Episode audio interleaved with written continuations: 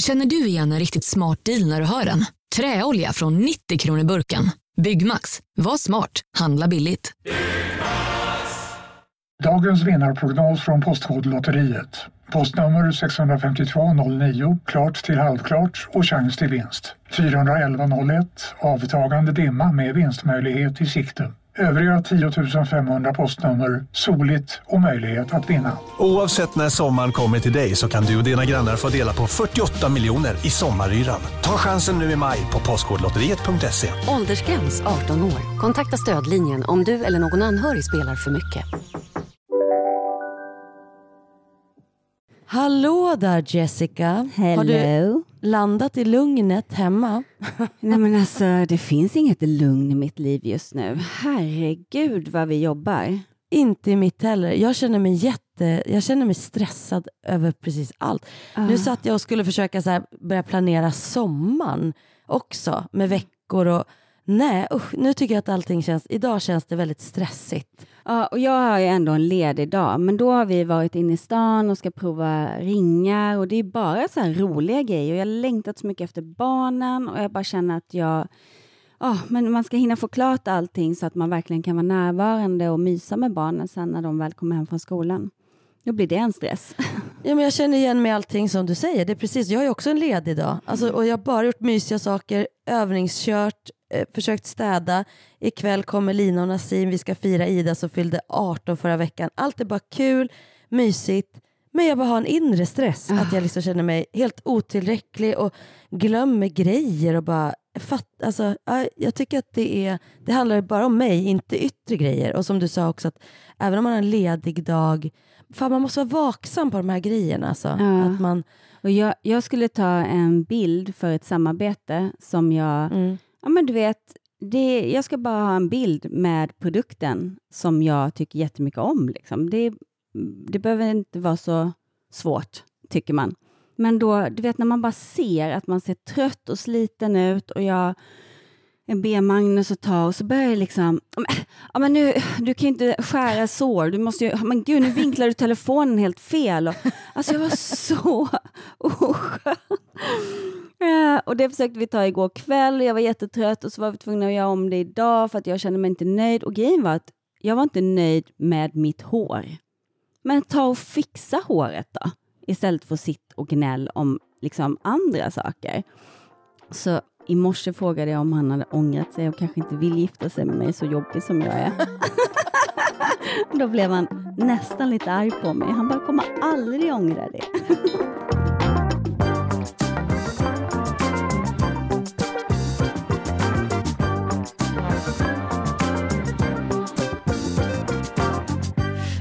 Nej, det var inte så. Men jag fick fa- faktiskt en sån känsla. Jag bara, shit, tänk om, tänk om det har gått för fort. Han kanske, tänk om han skulle känna så här, wow, oj, vänta, jag, nu, nu har jag fått sett hela spektrumet. Så ja, det kanske var lite off för hörn, men, men samtidigt så var det skönt att bara få bekräftat att han inte kände så. ja, och jag tänker där återigen, man har ju sina vänner som om man, när man börjar tvivla själv, för så där kan jag tänka också, herregud, jag kommer inte träffa någon så, så stressig som jag är så mycket som jag håller på med. Det är min bild när jag klankar ner på mig själv, när jag känner mig otillräcklig Mm. och blir så här, men å, återigen, det är samma sak som du Jessica, jag har ju sett alla dina färger och jag älskar dig, jag tycker inte mindre om dig i ditt stressiga jag. Liksom. Men gull. Nej men verkligen inte. Och, och jag tänker att det, sen är det ju så synd att man utsätter sig för de där situationerna och så här, en sån där dag kan man ju inte bli nöjd med håret. Nej, det var det jag sa. Ingen... Usch, nu blev jag lite... Men, men säg, men nu, Ehm, nej men berätta, vad hände i dig nu? Vad hände? Nej, men jag tror bara att när det blir för mycket, precis som du säger, det spelar ingen roll. Jag, och det sa jag till Magnus också. Jag bara, det här handlar noll om dig. Det Mm. handlar om att jag just nu eh, inte känner att jag räcker till och jag Ja. bara hittar liksom anledningar till att klanka ner på mig själv. Ja, Men jag bara tyckte det var så gulligt att man tror så här att alla ens färger inte är älskade. nej, Jag är liksom inte så bra på det. Inte jag heller Jessica. Vet du, jag tror inte att någon egentligen är det. Det är därför människans absolut största svårighet är att älska sig själv. För vi tror inte att vi får vara liksom Vi tror att vi bara ska, vi pratar ju ofta så här, "Åh, vad skönt vore att ha en menshydda när man har PMS, men det är också en grej, så här, varför då? För att vi ska stänga in oss och inte finnas när vi är på dåligt Mm. humör och känsliga och inte klarar stress och blir arga. Nej, då stäng in, stäng in oss i en menshydda så vi inte syns. Och då kan vi slappna av tänker vi. Men egentligen är det grejen också, varför kan vi inte bara... Jag tycker det är viktigt att vi pratar om det här nu, för jag, jag känner igen mig precis i det där du säger. Skulle jag tagit en bild igår, jag hade inte varit nöjd någonstans med någonting. Nej, men och grejen är, alltså jag är väldigt dålig på att hantera stress, vilket gör att jag försöker att inte försätta mig i situationer som kräver för mycket stress. Och Mm. nu har det liksom inte gått att undvika, Nej. för det är produktioner man har sagt ja till som liksom går omlott och det är mycket och det är, det är liksom en kort period och sen kommer det inte vara så, så att jag får bara bita ihop nu. Men jag sa det till Magnus också, jag är så himla dålig på att hantera stress. Han bara, fast det är inga problem för mig. Säg bara vad jag kan göra för att underlätta. Jag bara, men när jag är så här otrevlig och kort i tonen, vad händer i dig då? Blir inte du ledsen? Han bara, fast jag tar inte åt mig. Han bara, jag vet ju att det är för att du är stressad. Jag, jag tar det inte personligt. Nej. Och det är jättefint, men samtidigt vill jag bli bättre på att hantera stress. Mm. Eh, för att man kan inte bara undvika stress eh, heller, utan man måste lära sig att ehm, Ja, jag vet inte. Vad, vad gör man? Ta fem djupa andetag eller vad, liksom, har du någon, så här, Jag vet inte, har du det, någon strategi? nej men jag kände ju det att jag kanske trott att jag haft det men nu det här dygnet har jag ju känt att jag inte har det. Jag har typ liksom varit irriterad på allt och alla som jag också så här inte vill vara irriterad på och liksom hamnar i, i, också lite i den här offer men jag gör ju så mycket. Tänk jag som gör det här. Alltså det hamnar lite i så offerhörnet och det är så oskönt. Jag vill Mm. verkligen inte vara där. Vill inte heller vara stå i hjälparhörnet och vara så här. Tänk vad jag hjälper. Mm. Det är det värsta som... Så att det lägger ju bara att så här, till att börja med kanske man ska se över sitt schema och tänka att okej, under de här turnéveckorna då klarar inte jag av att ha någonting inplanerat den måndagen, tisdagen, onsdagen vi är lediga. För som igår, vi satt ju då, skulle åka hem igår, vi skulle ha kommit hem halv ett. Och jag tror ju att hela min, att allt i mitt liv hade varit lättare om vi hade kommit hem halv ett. Men den här förseningen på två och en halv timme ställde liksom till allt, tycker jag. Men det är såklart att det inte var så, men det betyder att jag har gjort ett minutschema där folk då som är nära mig, barn, blir besviken och jag klarar inte deras besvikelse för jag redan känner mig otillräcklig som har varit borta och har skilt mig. Alltså det kommer ju massa grejer upp liksom. Så då blir liksom SJs tre tim- två och en halv, tre timmars försening det som ställer till det. Men det är det ju inte, utan det är att jag på något vis ska ha marginal. Jag måste ha mer marginaler i mitt liv till allt. Så här. Om, jag ko- ser, om jag ser att tåget landar halv ett, då ska jag inte boka någonting före fem oavsett. Så att jag hinner gå hem, packa upp väskan, landa i mig själv innan jag möter någon annan människa till att börja med. Och sen ska jag Mm. inte ha ett enda möte kanske inbokat måndagen och tisdagen. Jag, jag letade efter en speciell bh som jag visste att jag hade med mig på turnén. Och så Mm. bara, men vad fan är den? Jag har typ 30 andra bh. Mm. Varför måste jag ha just den? Ja, men då ägnar jag en, en kvart åt att leta efter den så att vi kommer för sent till det här prova ringarna-mötet. Alltså vad är det? För då blir jag besatt av att hitta just den. För jag vet att den låg i väskan, mycket riktigt så låg den i väskan i en tröja. Och då, det är också så här, stressa upp mig istället för att bara ta en annan, andas, hoppa in i Mm. bilen, vara i tid. Men det kan man ju, det gör man ju när man är i balans. Det är när man är i obalans det liksom inte riktigt funkar att tänka rationellt. Mm. Och, och så sen blir det så här för mig att jag älskar ju, jag älskar mitt liv. Jag älskar mina arbetskamrater. Jag vilar ju jättemycket på turnén också så jag fattar liksom inte varför jag blir så trött. Men det är väl det man måste erkänna hos sig själv att resandet tar. Att, att Mm. möta, alltså man, måste så här, man behöver inte förstå allting utan mer att gud, det är otillräckligheten på något vis. Men- men jag, var, jag fick av en kompis en slags massage slash eh, kroppssession där jag träffade en kvinna som jag inte har, eh, jag har inte varit där innan, men hon var helt fantastisk och först att vi pratade en liten stund och hon bara frågade lite hur jag mådde och vad jag liksom, ja, var jag befann mig i livet typ. Eh, och det tog typ två minuter, sen började jag storgråta. Och jag bara, men gud, jag vet inte. Och då kände jag mig inte, eller jo, jag var stressad då också, för jag har ju grejer varje dag hela tiden, men Mm, jag kände mig inte så stressad när jag gick dit, för jag hade verkligen avsatt två timmar att jag skulle gå till henne och liksom. Men då tar det liksom, jag bara, gud, jag vet inte varför jag gråter och det bara, jag kunde inte sluta gråta. Och då var hon så här, hon bara, nej men det är stress liksom när man väl tar sig tid, för vi började med att andas, andas med mig några djupa andetag och efter de andetagen började jag gråta och det släpper ju väldigt mycket när man går in i, bara landar i sig själv. Och Mm. helt plötsligt så frigör det så himla mycket grejer. Och sen så sa hon något väldigt intressant också och det är ju med, med liksom vad som händer nu i världen och med Ukraina och att man blir väldigt påverkad av det Ja, där säger du någonting. också. Mm. Att, att man tar nog in väldigt mycket mer av det och det gör även ens barn och alla runt omkring en. Så att man, och när man är högkänslig så tar man också in allas, allas oro runt omkring sig på ett annat Mm. sätt. Där sa du verkligen någonting också varför man kanske inte känner att man får eller att man är lite i obalans för världen är i obalans. Det är obalans där ute och här inne.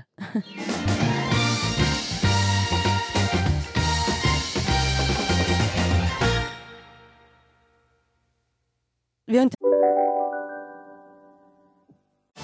Och välkomna tillbaka till Sibylla där sportbörjaren nu laddar för mål. Otroligt taggad och toppat formen med stekt lök och dubbel cheddarost.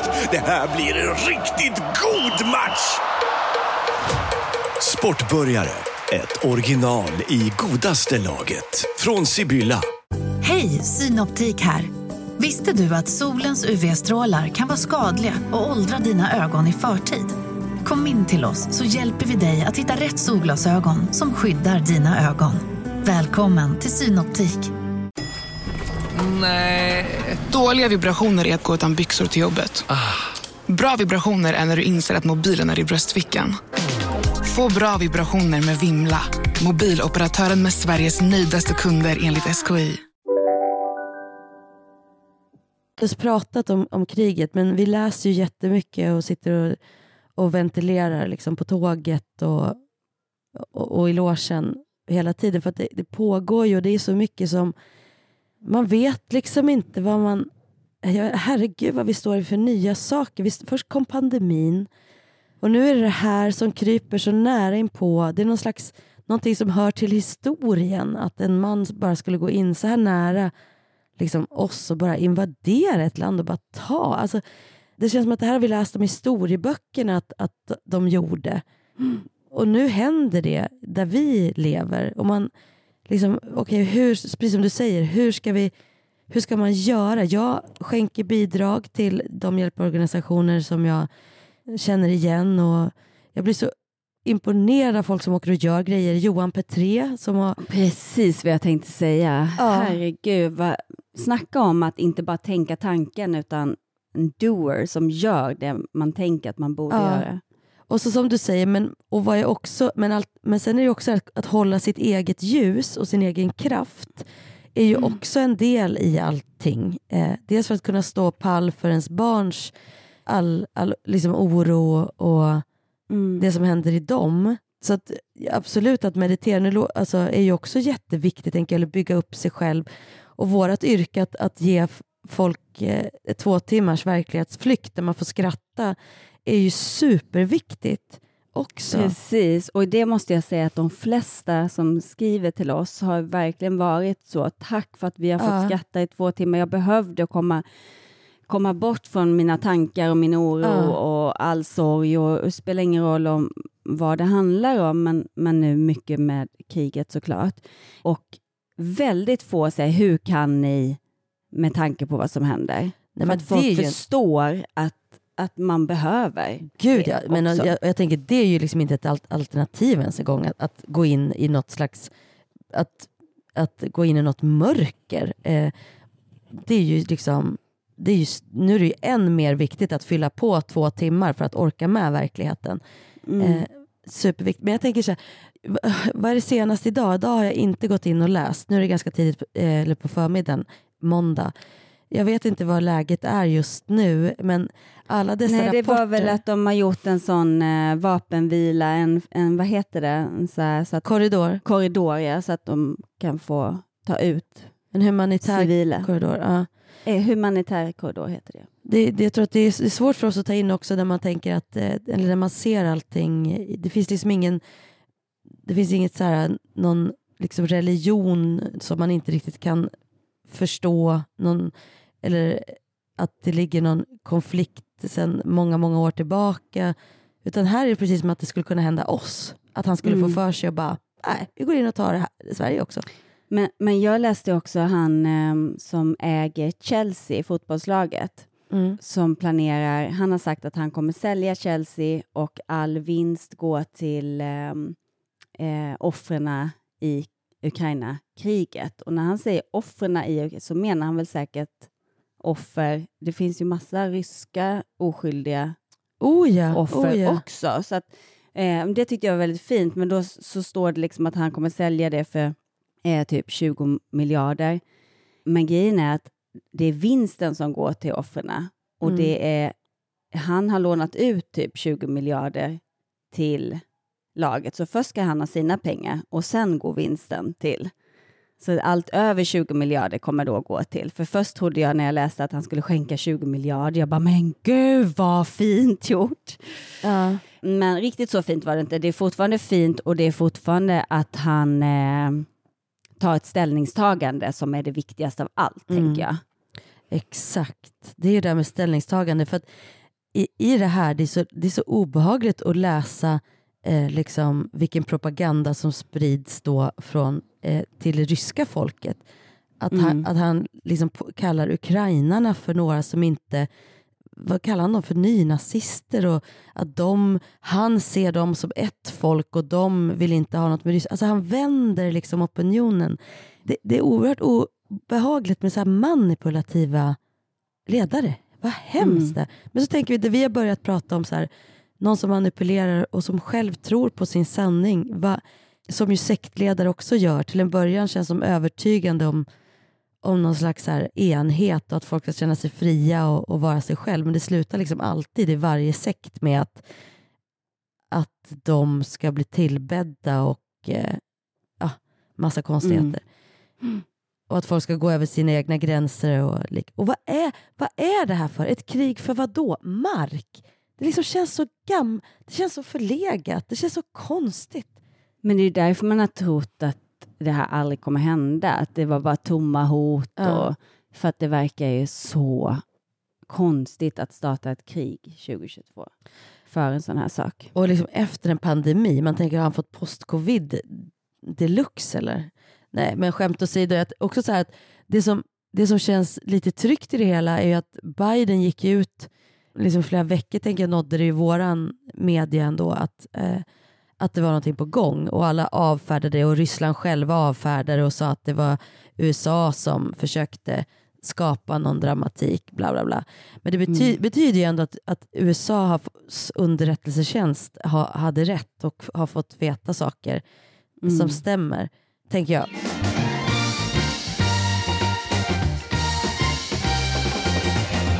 Det som är positivt med allt det här är att man lär sig ganska mycket och man känner sig verkligen så att man måste börja ta ett, sam man måste behöva ta, börja ta ett ansvar, verkligen, och sätta Mm. sig in i saker och ting.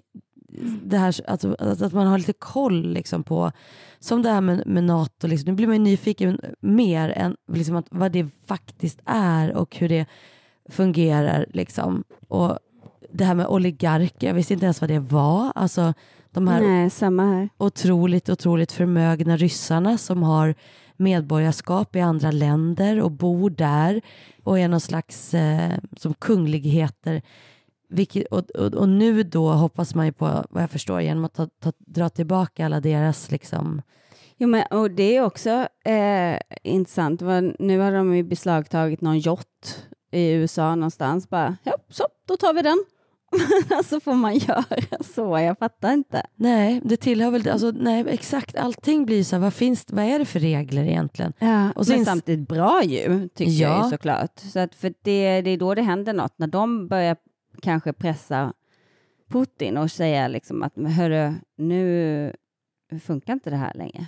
Äh, nej, och Men han kommer ju aldrig ge upp, för då tappar ju han ansiktet, så det går ju inte. nej, det tydliga i allt det här är ju att, att, att eh, vad säger man, det, det finns liksom ingen som är, som är någonting mer eller mindre än någon annan. Alla är människor och eh, det är väldigt tydligt med människor som inte är vuxna utan agerar utifrån sina sårade barn och det verkar ju när Putin göra, verkligen. Det är Verkligen. som nu, nej han tappar brallorna, han, kan inte, han har ju redan gjort det i mina ögon när han går in och liksom gör så här. Verkligen. Men han tror att, att han gör det om han liksom drar sig ur. Det skulle kunna vara, det kanske, tänk om han bara kunde så här, Men det är för att han har ljugit fel. för sitt folk. Precis. Han har ju ljugit för sitt folk och säger att det är av en annan anledning, att han ska rädda dem. Vilket betyder att om han då inte klarar det, då, då har han ju förlorat inför sitt folk. Mm. Ja, nej, men det, det är i alla fall fruktansvärt och vi eh, blir påverkade, helt klart. Helt klart. Och man, men jag blir också så här, vad ska jag säga, att jag tänker, alltså att människan är så här. Vi, inte stö- vi lär oss inte av historien. Det kommer alltid att finnas folk som bara ljuger för att ha rätt och ljuger för att rättfärdiga sina egna beteenden. Och som inte kanske tycker själva att Stort de, och smått. Ja, i stort och smått. Och bara vilken typ av person man är. För hade, hade han haft det minsta självrannsakan eller tänkt så här, ja, undrar om det här har med mig att göra, då hade han ju inte hållit på så här. Och, och det är fortfarande människor som gör så här mot andra människor. Det Mm. spelar liksom ingen roll om det är en politiker, det är människan. Vad är det för fel på oss? Så, så kan jag Mm. bli. Hur hjälper man en generation att liksom Alltså det, är helt, det är helt absurt att de här alltid kommer finnas. Och när man läser om han, vem var han? Drömmen om att bli någon slags rockstjärna eller vad var det, filmstjärna. Det här är ju något ego liksom. Att nu ska han se till att Sovjet, utan att, jag känner ju inte honom men man kan ju föreställa sig, eller det känns som det i alla fall, att, så här, Mm. Att Ryssland ska bli stor. Och vad tjänar man på det då? Äga och ha mer, mest och sen bara tack och hej när jag dör bara. Ja, jag har liksom tusentals människors liv på mina händer men ja, det- vi fick ett stort Fast land. det tycker inte han. Han tycker att det är Ukrainas som har det på sina händer. För att de använder eh, Motstånd. civila som sköldar. Vilket är helt idiotiskt. Men, men på tal om att fly ifrån verkligheten och Mm. skratta och må lite bra så var ju ni på After Dark. Och jag kan säga, det är därför jag, jag också känt en sån glädje att få åka till, till mitt eget jobb den här helgen. För jag, jag liksom insåg hur viktigt och hur otroligt viktigt det är för mig att få gå iväg och liksom på, bara ha kul i några timmar. Och tack vare att människor står och uppträder och gör en show och liksom det här var så fantastiskt. Det är på Vasateatern alltså, After, After Dark eh, har, eh, hade premiär då i tisdags och Ida fyllde 18 i tisdags. Helt galet. Alltså jag har varit mamma i 18 år och jag slungades ju tillbaks och satt och berättade hur det var när hon föddes och liksom, nu är det en 18-årig ung, väldigt klok kvinna liksom. Det är så fascinerande att, eh, att man får vara med om det här.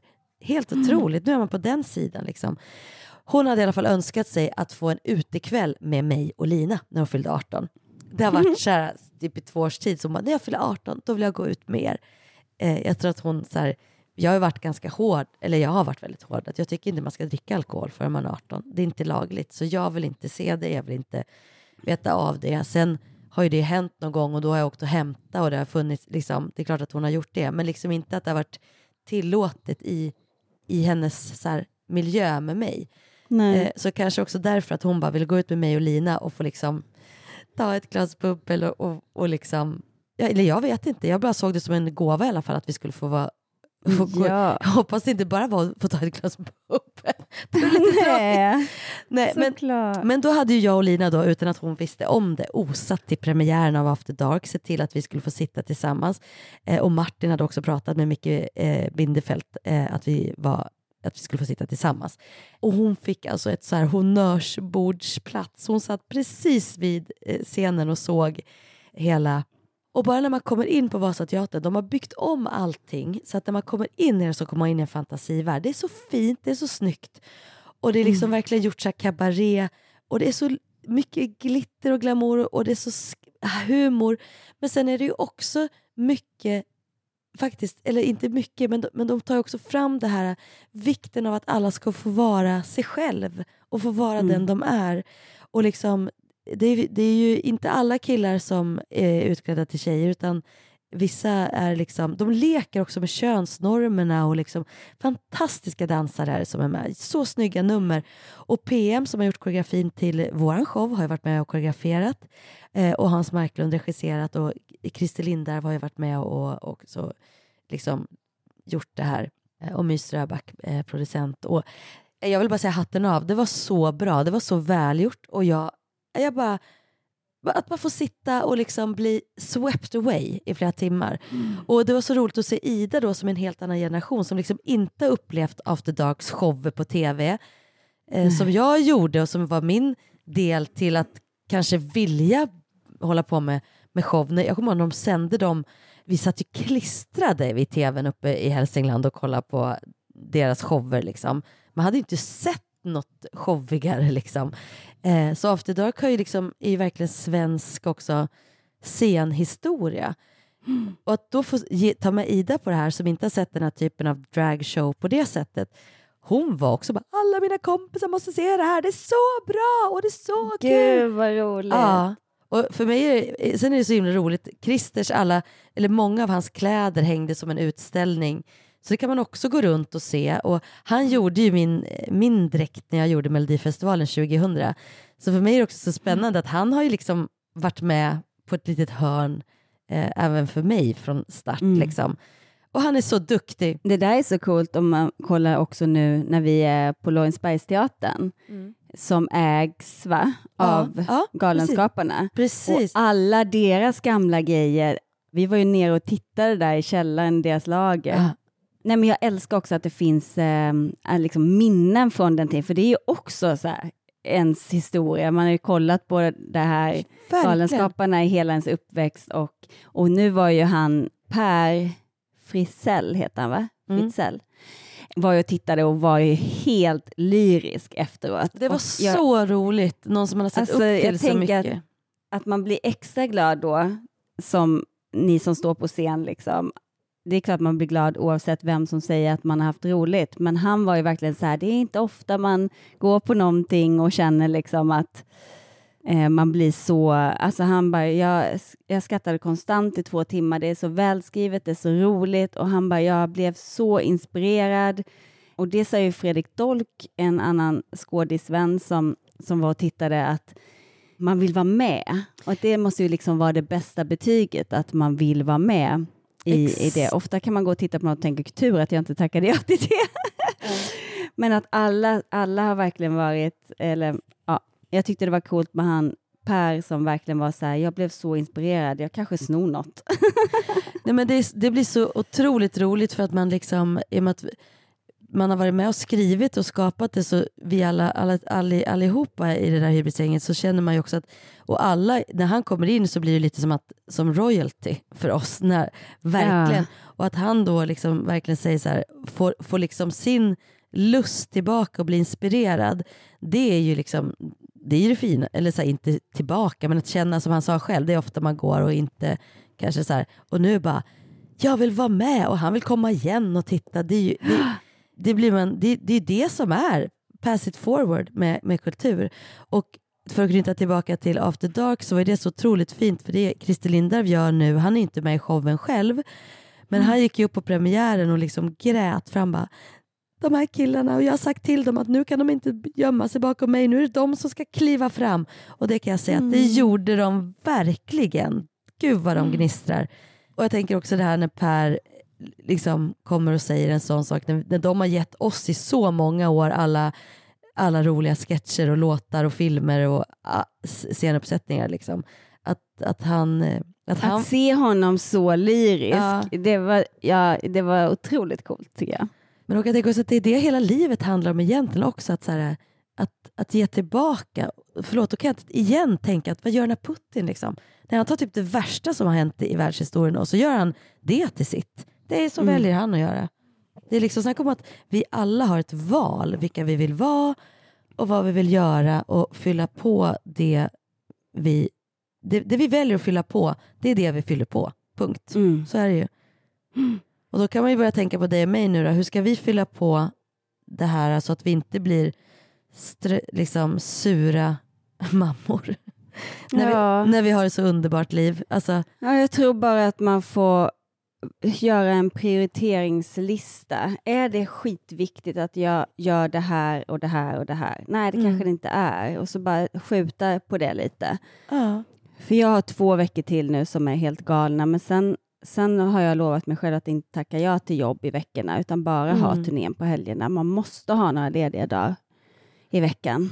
Men det är också det där, det är liksom svårt i vår bransch att säga nej. Jag har ju nu också så här grejer som jag tänker att jag måste nog säga nej till dem. Jag tycker det är så jobbigt att säga nej, även om jag vet att just nu behöver jag inte det ekonomiskt och jag kanske inte riktigt hinner tidsmässigt men det skulle kanske gå att klämma in. Och det eh, skulle vara kul, det är ju det. Ja. Man älskar ju sitt jobb, tyvärr. Det är ju Eller det. säga, nej, det är inte tyvärr. Nej men exakt, det är precis. Mm. Men, men om det ändå, det är det här, det är svårt att säga nej på något jävla konstigt vis också. Fast jag, jag har blivit mycket bättre sen, ja men det är väl några år sedan när jag liksom var nära att och, eh, trilla över kanten. Och det var en kvinna som, eller jag, jag svimmade på en produktion och så kom hon ambulanstjejen, eh, och sa så här, du älskar ditt jobb va? Jag bara, ja, ja. Men du känner inte själv liksom att du älskar ditt jobb så mycket så att du jobbar för mycket. Det vill säga att om du jobbar så här mycket så kommer du till slut inte kunna stiga upp ur sängen på kanske två år. Är det värt det då att jobba så mycket när du är så... Det är få förunnat att älska sitt jobb så mycket som du gör. Ska du förstöra det genom att jobba för mycket då? Och det blev så himla tydligt, så då kryssade jag. Jag hade en fysisk almanacka som jag kryssade två dagar. Så när jag hade bokat in fem dagars jobb, då kryssade de andra två dagarna. Så när någon ringde och sa, kan du jobba på tisdag? Då var det ett kryss där. Då var det inte alls svårt att säga nej. Då var det så här, nej det kan jag inte. Och innan hade jag varit så här, ja alltså egentligen borde jag vara ledig, men det är klart jag kan ju, jag har ju ingenting där. Men då liksom, de skiter fullständigt i varför du inte kan. Jessica, Så när där, det där, det där Mm. är ju tricket. Precis så. Mm. Planera in att, att nej, det går inte. Mm. Men då måste jag ha det där krysset, för att annars Ja. ser jag bara en ledig dag och då är jag inte medveten om att de andra sex dagarna redan var inbokade. Nej, det är det där. Och jag tänker också, jag vet inte vad det, hur det påverkar dig, men att ha tider, även om det är roliga grejer, för mig är det det som kan stressa, att det är tider att hålla. Mm. Eh, jag kan alltså att, här, att ha någon dag i veckan där det inte är någon tid att passa, Mm. Det är liksom för mig, Men, men med, många av mina vänner är så här, men ska vi käka lunch då och då? Ja, men jag tror att jag kan det, men jag kan, jag kan liksom inte boka in för då blir det ytterligare en grej. Inte tiden så mycket att passa, utan mer att det är grejer som jag ska göra, som förväntas mig att jag ska ta mig någonstans. Mm. Och grejen är att ofta så vill jag, orkar jag det, men jag blir stressad av att liksom ha det i min kalender. Så det, det måste bli spontana luncher. Ja, Så vissa kompisar har man ju glidit ifrån just för att de kan inte ha det så. För de måste Nej. boka in liksom. ja, det där är jätteintressant att se vad som är bäst för en själv. Eh, Mm. Och jag vet inte, eller det, det du beskriver, jag vet inte om det är själva tiden eller om det är det att, att det förväntas att jag ska vara på en plats. Oavsett så blir det ett krav så fort det är något som Mm. är planerat. Liksom. Även om det är något jag vill göra. Det är som nu har jag en grej på onsdag som jag verkligen vill göra. Verkligen vill göra. Och jag känner ändå att så här, om jag säger ja till det nu så händer det någonting i kroppen. Det är något jag ska komma ihåg. Jag får inte glömma det då, att jag har sagt ja, till det. precis. Det är det, man har så mycket grejer i huvudet som man, jag glömmer bort hela tiden. Och då hamnar det på samma stressnivå som att säga, ja just det, jag måste säga vilka veckor jag vill ha i sommar och hur vi ska. Och då blir det liksom, då hamnar det på samma nivå fast det ena egentligen är avkoppling och det Mm. andra är lite mer stressande. Och jag, jag har verkligen nu tagit så fem saker. De här fem sakerna ska jag göra klart idag. Och när de är klara, och inte så här jättejobbiga grejer, utan liksom som man bockar av rätt snabbt. Mm. Då ska jag bara andas. Alltså, Mm. och så när man verkligen tar, inte så här fyller på med fem grejer till då. Nej, precis. Så den där listan kan ju göras hur lång som helst i våra liv just nu. Ja, det, men där tycker jag att jag kände att jag fick med mig lite tankar. eh, att jag ska sätta mig och, och, och liksom inte eh, se det. Att det blir samma stress fast det ena är jättekul och det andra är tråkigt så blir det just nu samma stress. Mm.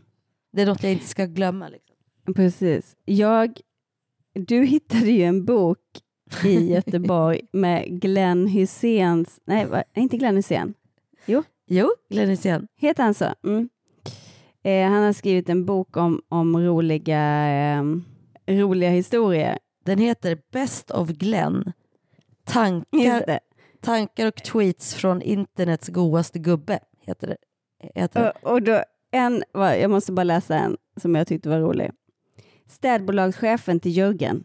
Din kollega är inte så smart va? Hur så? Han städar ju hissen på varje våning.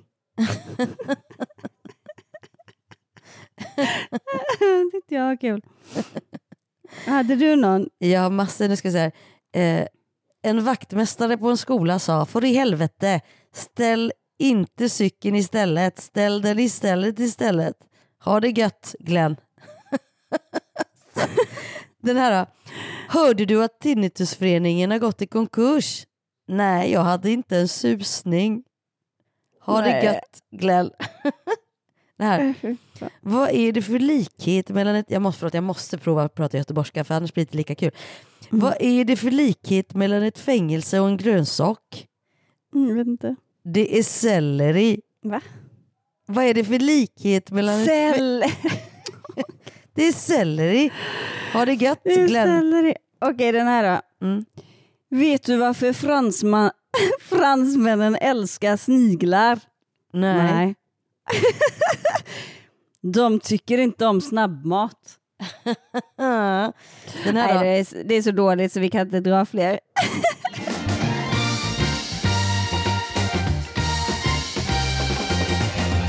Men vet du en annan sak som vi gjorde? Om en yogamatta är på väg till dig, som gör att du för första gången hittar ditt inre lugn, ett lugn du inte trodde fanns, som gör att du blir en trevligare partner, en bättre bilförare, en bättre kock. Du blir befordrad på jobbet men tackar nej, för att du inte längre drivs av prestation utan vill göra saker som känns meningsfulla i livet. Och, ja, eller ja, då finns det flera smarta sätt att beställa hem din yogamatta på. Som till våra paketboxar placerade på en plats nära dig och tillgängliga dygnet runt. Hälsningar Postnord. Välkommen till Unionen. Hej! Eh, jo, jag ska ha lönesamtal och undrar om potten. Ja, om jag kan räkna med övertidsersättning för det är så stressigt på kontoret jag jobbar hemma på kvällarna så kan jag då be om större skärm från chefen för annars kanske jag säger upp mig själv. Och hur lång uppsägningstid har jag då? Okej, eh, vi börjar med lön. Jobbigt på jobbet. Som medlem i Unionen kan du alltid prata med våra rådgivare. Ja, Hallå? Pizzeria Grandiosa? Jag vill ha en Grandiosa capriciosa och en pepperoni. haha, något mer? Med kaffefilter. Ja, Okej, ses samma. Grandiosa, hela Sveriges hempizza. Den med mycket på. på Lorensbergsteatern, det var att vi faktiskt kom ihåg vad vi sa i förra podden. och det var att vi skulle fråga Pernilla om hennes upplevelse om oss och vårt Precis. första möte. Så det kommer här. Vi befinner oss just nu på Lorensbergsteatern och är mellan två föreställningar. Så nu ska vi se. Pernilla! Första, första showen gick ju bra, eller hur? Jag har ju känt mig lite så här sliten i halsen, men nu tycker jag att eh, rösten är bättre. Eh, Eller vad tycker du? Det låter fantastiskt bra, förutom den lilla tuppen. Jag fick en tupp när jag skulle sjunga, så det blev så här...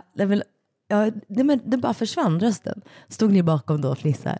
Nej, det gjorde vi såg inte. er i mitt inre. Nu står de där bak och fnissar. Jag hörde faktiskt inte ens det. Det var du som sa det när du kom ut. Men berätta för de som inte vet, vad är en tupp i halsen? En tupp är när man, när man kan vara lite så här rosslig i halsen eh, och så eh, får man liksom, jag kan inte, alltså det kommer en sån, eller att det bara stryps liksom, rösten. Det är en tupp i halsen. Nu ska vi se om hon kommer här. Wow, jag är med i eran podd! Ja. Välkommen till å andra sidan. Tack. Vilken röd eh, puff, vilket rött puffskydd ni har som ni trycker upp i min mun. Det där får man tänka på något annat. Som vi brukar trycka upp. Berätta! Nej, men vi berättade i förra podden om eh, Alltså vårt Jessica, första du är så möte. obehagligt nära mig nu. Jag måste vara så här nära för vi har bara en mick. Okej. Nu ska du berätta ditt första intryck av mig och Hanna.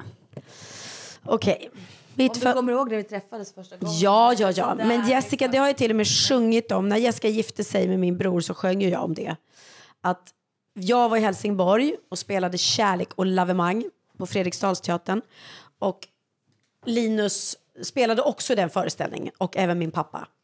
Och då hade han väl berättat att han har träffat en ny tjej. Och eh, så kom jag upp till vår lägenhet som vi bodde i tillsammans, jag och pappa. Och där var Linus. Och då ser jag ett par skor i hallen. Då tänker jag, wow, det där är hans Chase skor. Och då tänkte jag, fan, bra skor, hon har bra smak. Och gulliga små fötter, precis som jag. Och det är jag tacksam för, för sen dess har jag aldrig behövt köpa några nya skor. Nej! Sen lånade hon mina skor, mina väskor och mina kläder. Ja, och sen, men sen kommer jag liksom inte ihåg direkt hur vi blev kompisar. Nej, men, eh, jag bodde ju i mer eller mindre i Helsingborg med er hela Ja, den sommaren, så vi umgicks väldigt mycket. Ja, och mina barn, Benjamin som då var fyra, blev ju kär i dig. Eh, och, ja, vi umgicks, och du var ju väldigt gullig och lätt att tycka om. Vad? Ja, Jag växte var bort. Och sen så, så, så vet jag, då gick du på sån här makeup-skola va? Och då sa väl jag någon gång när jag skulle göra något jobb att fan kan inte du sminka mig? Mitt, mitt första jobb efter min utbildning var för Damernas med dig. Det var ändå modigt av dig att ta in mig, måste jag säga. Ja, det är lite modemagasin. Fan, det får, jag inte, det får man inte göra längre. Jag får inte göra det. Man får inte vara med i Damernas tydligen när man är efter Det ska 50. jag och Hanna vara. Ska ni vara med i Damernas värld? Ja. Fan vad... Får inte vara med. Jag gjorde jämt massa, eh, vad heter det? Vad heter det? Inte modelljobb, snygg bild, bildreportage i Damernas. Ett porträtt för liksom. Ja, tog massa bilder. Det har inte jag gjort på hundra år. Veckorevyn kan jag förstå, för det, den finns inte längre. och så här, eh, Frida och sådana tidningar kanske inte heller finns. Men Damernas, ring mig, ring mig. Eh, ja, det var det. Och så var det Hanna. Ja, det var egentligen inte någon fråga. Det var, jag berättade att när vi hade kunnat lärt känna varandra att det var år 2000, Lorden från gränden, att jag, vi skulle ha jobbat tillsammans då. Eh, och jag skulle vara med i ensemblen, hade precis gjort Melodifestivalen. Och så ringer det plötsligt och bara, Pernilla Wahlgren, hon som skulle göra huvudrollen har eh, hoppat av, så vi undrar om du vill göra huvudrollen istället. Och där lärde jag ju känna Ola. Kommer du ihåg anledningen varför du hoppade av? Och vill du berätta det? Jo, jo. Ja, jag vet exakt. Jag hade... Ja, jag har ju alltid jobbat väldigt mycket. Och då, det året innan, jag var på Intiman, som tra- teatern hette, och hade gjort två föreställningar två år i rad. Så jag hade redan varit på den teatern i väl, eller liksom länge.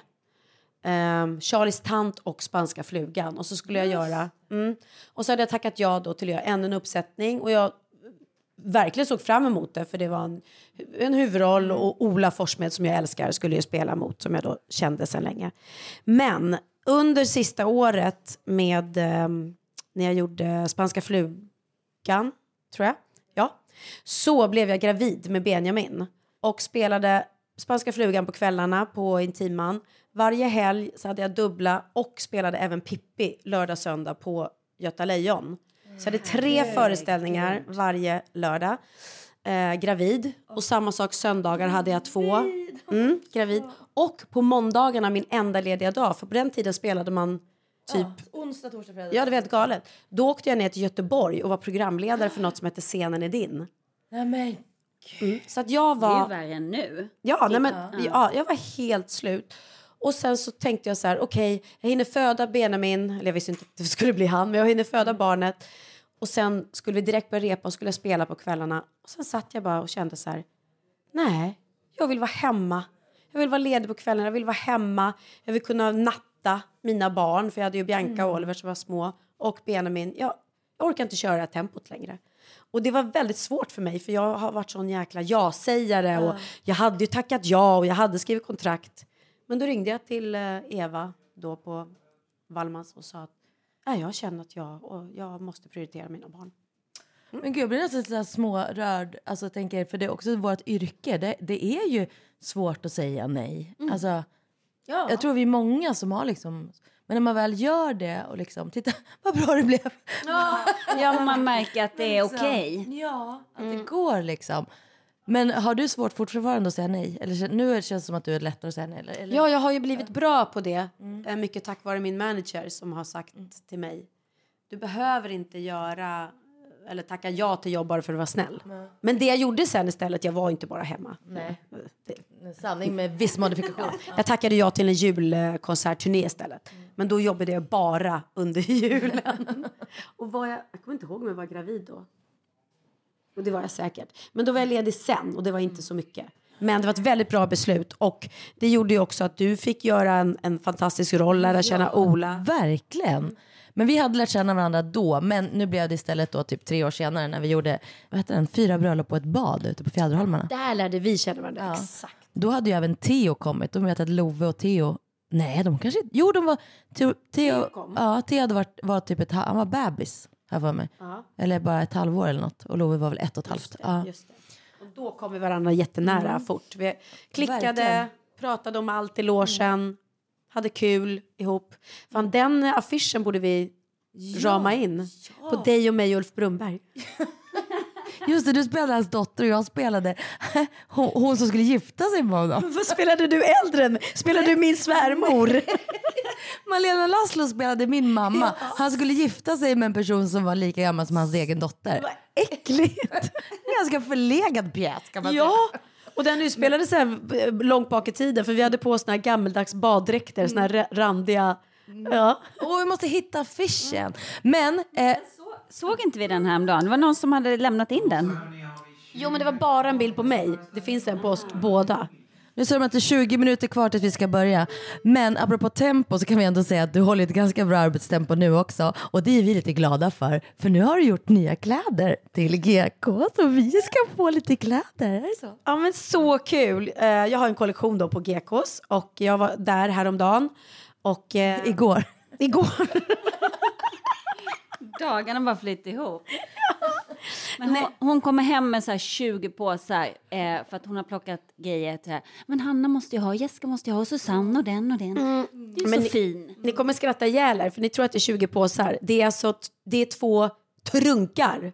Det är två fyllda trunkar. Jag orkar inte ens bära en själv så jag släpade dem i korridoren för de är så tunga så de går inte att lyfta. Så ni kommer få lite kläder i alla fall. Men jag är väldigt glad för att ni ens vill ha mina kläder. De är skitsnygga och solglasögonen. Älskar. Och jag är också väldigt glad för att du jobbar så mycket. För det betyder att jag har jättemycket jobb också. Ja, men det är ju verkligen så. Jag tänker ibland, gud vad jag jobbar. Och så bara, men varenda dag när jag jobbar jobbar jag Jessica också. För hon jobbar ju med mig, var jag än är. Kanske ska sätta koppel på dig.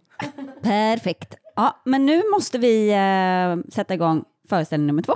Ja, jag vill tacka så mycket att jag fick vara med i er podd. Tack för att du var med. Puss, puss. Berätta för alla poddlyssnarna att det här är Biancas favoritpodd. Hon älskar Jessica och Hannas podd. Gulligt. Gud vad glad jag blev. Verk, mer än glad.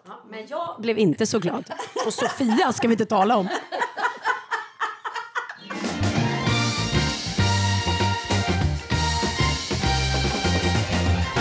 Ja men gud, vad kul att Bianca tycker om våran podd också. Jag blir så himla glad. Ja men verkligen. För det är ju så, oavsett så, eh, har, du har ju känt Bianca sedan hon var bebis typ. Jag, har ju, jag lärde ju känna henne när vi gjorde en, en eh, musikteater och då var ju hon 13. Och det är lustigt när man lär känna en människa så är det som att på en del av en eh, kan inte riktigt eh, ta in att de har blivit vuxna när man har känt dem som Nej. barn. Liksom, och nu tänker jag även på Ida då, att hon liksom är 18 och är vuxen. Jag kan inte ta in det. Det betyder ju också Jessica att vi börjar bli gamla. Mm. Och det är i alla fall en sak som jag har noll problem med just nu. Jag är där jag ska vara och jag mår bra i det. Eh, Okej. Nej men jag har ingen åldersnoja menar jag. Nej, nej, nej, nej, nej precis. Det har jag inte. Men vi, vi klarade mer stress för. Mm. Det kan man jo, säga. jo, men det är inte så att åldern inte påverkar mig. Jag stukade foten och kan inte Ja, gå. just Ja, det. det händer grejer med kroppen som man liksom inte eh, tycker är så kul. Men jag bara menar, det är inte så att jag går omkring och tänker åh, jag önskar att jag var 25 igen. Nej, det gör jag verkligen nej, inte. det gör jag verkligen inte heller. Ah. Och jag tänker att vad underbart det är med alla som man har känt som barn som blir härliga vuxna. Mm. Det ger en hopp. Ja. Nu ska jag hämta min lilla härliga unge Ja, som fortfarande är ett barn, som vips kommer vara vuxen säkert. Men Ja. eh, Colin är ju bara 11. Mm. Eller, Vi- nej, vi- 12. Han har fyllt 12. Ja, han har precis fyllt 12. Ja. Ah, shit, han är 12 år. Och jag har längtat så mycket, så mycket, så mycket. De har Ja. varit i Åre eh, hela sportlovsveckan. Så att jag, nu har jag sån längt så att nu säger jag hej då till dig. Du, puss och kram. Puss och kram. Hej då.